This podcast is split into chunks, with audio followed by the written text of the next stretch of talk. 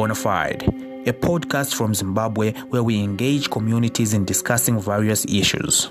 My name is Blessing Mangwiro and I'm your host today. Today, we discuss issues surrounding e learning in Zimbabwe. The COVID 19 induced lockdown has affected many vulnerable students across universities and exam classes in the country, with some failing to embrace e learning.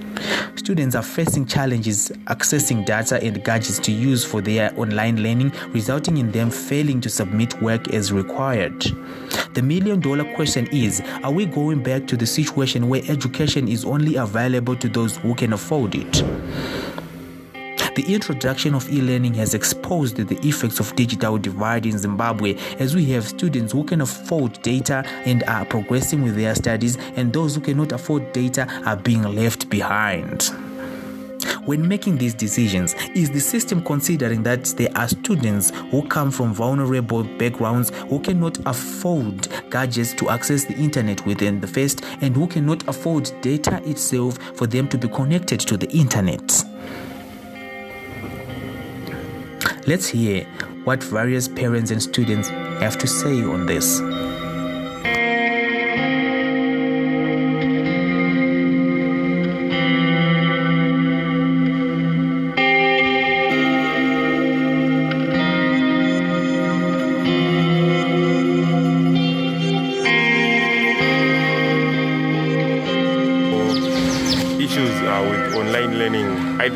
Major problem that we're facing is that if we look at our country, right, uh, we do not have like online learning platforms specifically for our school because we can't use Google Class for online learning or use WhatsApp. That is not a platform that can use for online learning. We need to have a platform whereby the lecturer and the students can interact face to face directly. You know what I'm saying? Yes. Yes. Unlike WhatsApp, whereby uh, the lecturer sends a voice note and some pictures. No. At least maybe if they could make like videos, that would make sense. But the problem with again using videos or YouTube is that we need data, and you can see that in Zimbabwe it is very expensive. Yeah, with Econet, you, you can find out that I think uh, about 250 megabytes for Econet should be worth more than 200 dollars if if it is for a month. If I'm not sure, yeah, it must be that. So you can see that it doesn't make sense because you need about 20 gig for you to be able to use these online platforms. So you can tell me that you need 20 gig and you are buying about 250 megabytes at 200 bucks. That's a lot of money, and you can just use that um, that uh, that money on data. And right now you can see that we are in lockdown, right? Um, most of our parents they are hustlers, you know that. Yes. And you know that uh, hustlers or the people that just work these food to end to mouth type of jobs, it's very difficult for them to make a lot of money. So the, the, the, the, parents don't have money right now because they're trying to cover for food and stuff because they can't work.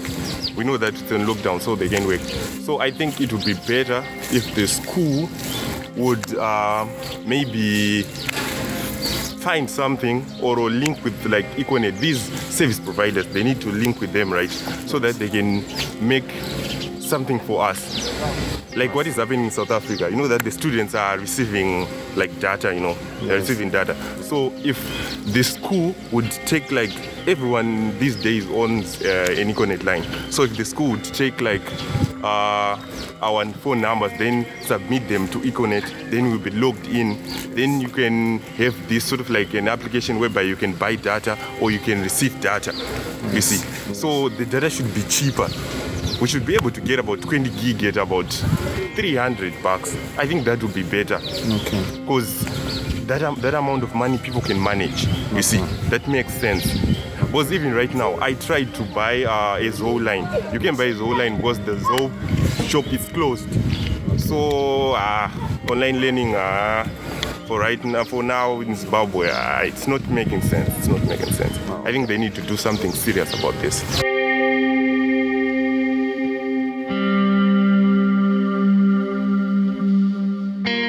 Ndanchikumbira kunzwa kuti muri kuzoonawo sei nhau yeonline learning.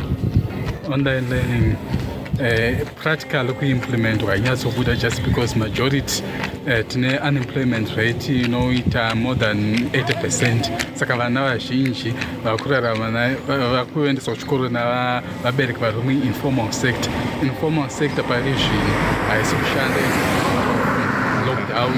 Saka vanhu vazhinji hakuna ku- havasi kuenda kumabasa and the other thing is that vamwe vana vanobhadharwa navabereki vari mapeace and farmers. Vanototengesa mombe tengesa chino nechino and zvinhu izvozvo eh, pagore rino gore rino uh, in terms of harvest we have a poor harvest. Saka vana ivavo ndeti havana ma-electrical gadgets ndeti ka magadgets anovainisa paonline. Majority of them vaitemba vairelaya nelibrary. Library kwacho kuchikoro kwacho ikoko havako. Ndeti vakunzi ngavadzidzi vari kumba. Saka practically as a developing country uh, and as zimbabwe in particular online learning is not practical. And uh, the other thing is that most of the conventional conventional. Ndese online learning yanga inoita sekuti yakaiti inogona kuti budei dzimwe dzenguva kune vanhu vakaita sekunana open distant learning vakaita sena unisa.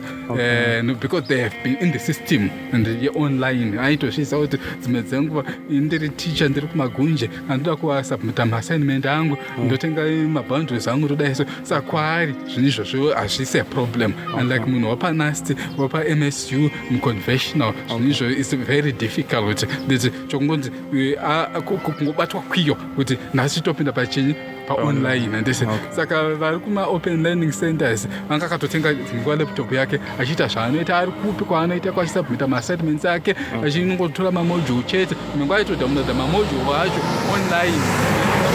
Aangoda pana magetsi chete. Saka online yacho iyi practical haishandi. Okay.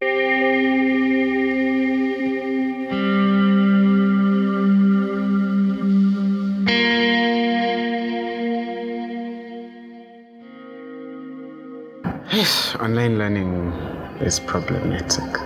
It's a challenge. It's a challenge because it depends on, you know, people come from different backgrounds. We have different backgrounds, and some, and um, I'll dare say, majority of the students come from rural areas or semi-urban areas where even the network connectivity is not that good. So to access the internet for that person is a challenge in itself. Now imagine having to access that internet on a daily basis, even for, for lectures or submission of assignments and tests and assessment and whatever. It's it's it's it's, it's, It's very problematic. I don't even know what to say. I'm speechless about it. I'm speechless about it. It's it's it's too emotional for me because I'm finding it very difficult. I'm finding it very difficult. Now I'm trying to imagine someone who's in the rural areas. yeah, It's not easy. it's not easy. It becomes a, it becomes a situation where it's only beneficial to those who have internet access, meaning that only someone who has internet access gets to learn, which is not fair. Yeah, very true. the enforcing of online learning is it's it's inconsiderate to say the least because if if I don't have internet access, I can't access anything. I can't learn, which is not fair because I would have struggled to pay my school fees. I would have struggled to pay my school fees, which is supposed to cater for everything. Um, especially, it becomes a challenge, especially with this lockdown, where people are not going to work, and Yes. majority of the people requ- rely on the informal sector for their for their funding, for their livelihood. So if the informal sector is if the info, if the informal sector is not functioning, Yes. For people to have the resources, the funding to get internet access, to buy data, to you know, it's it's difficult. It's not easy.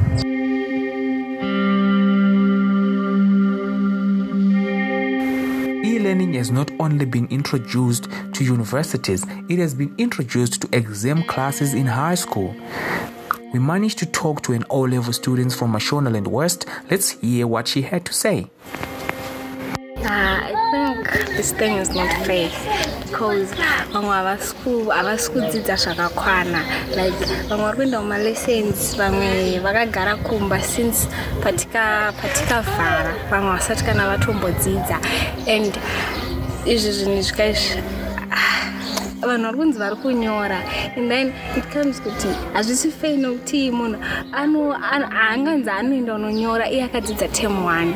Chete. Saka hazvisi fei nokuti vamwe vamwe vane mari dzavo vari kukwanisa kuafoda online learning.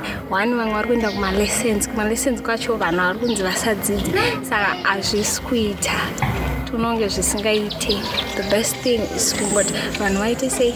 Vangodzidza chii zvakafanana. Tese tinyore chii zvakakwana. Okay thank you.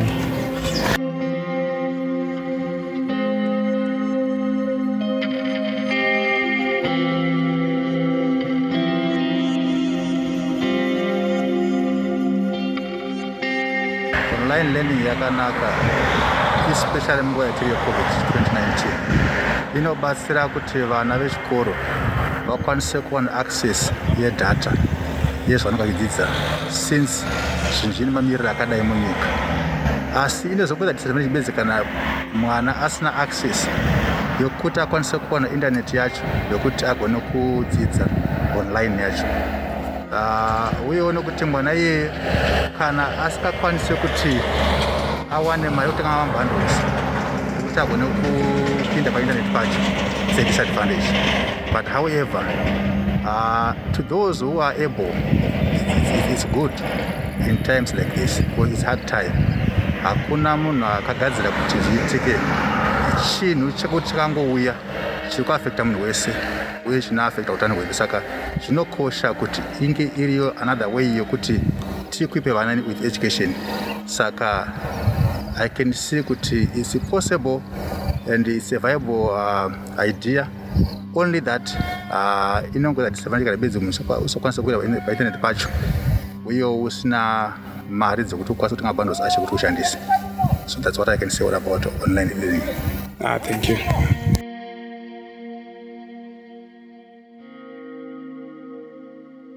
muri kuzoona sei ni online learning in zimbabwe sema-students uh, online learning is a bit of difficulty inoti inise ine issue yatinoita yekushaya mabundles nekudhura kuita data bundle okay. across all networks. West econet ndo ratinonyeshandiswa semastudent awanda for education saka issue yekuzowana manje bundle kuti tikwanise kucommunicate. Then iyo especially online learning uchitaura nemalecture ako through pawhatsapp chete just sending files nezvimadocuments izvi zvasiyana-siyana. I start to understand. Sometimes everyone needs one-on-one interaction lecture wake even using ask a question or what you need to hear something. Chinazopinda there's some students wekuti vari underprivileged vanobva kumabackgrounds ekuti vanenge vasina kana laptop achiyo campus and stuff like that. How do you think those students are coping now? Uh, life is very difficult for students adaro in i was once one of them. Ndakaenda pachikoro ndichita it then i did ndezvemachine ndiri pacampus pekuti i could get help from others vane malaptops okay. zvaitooma someone ari ari izvezvi asina yacho refoni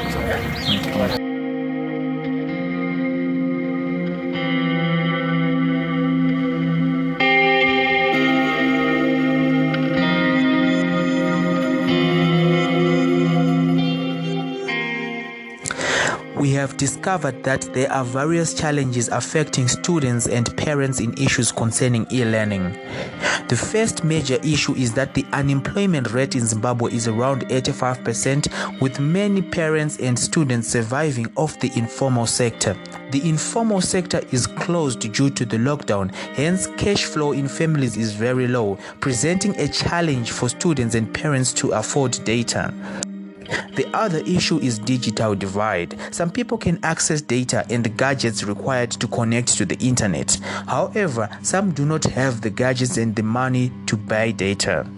The parents and students have suggested that the government should intervene and assist underprivileged students so that they can access data and gadgets to close the gap between the have and the have notes. Thank you for joining us in today's discussion. Stay tuned as we follow up on developments pertaining e learning in Zimbabwe.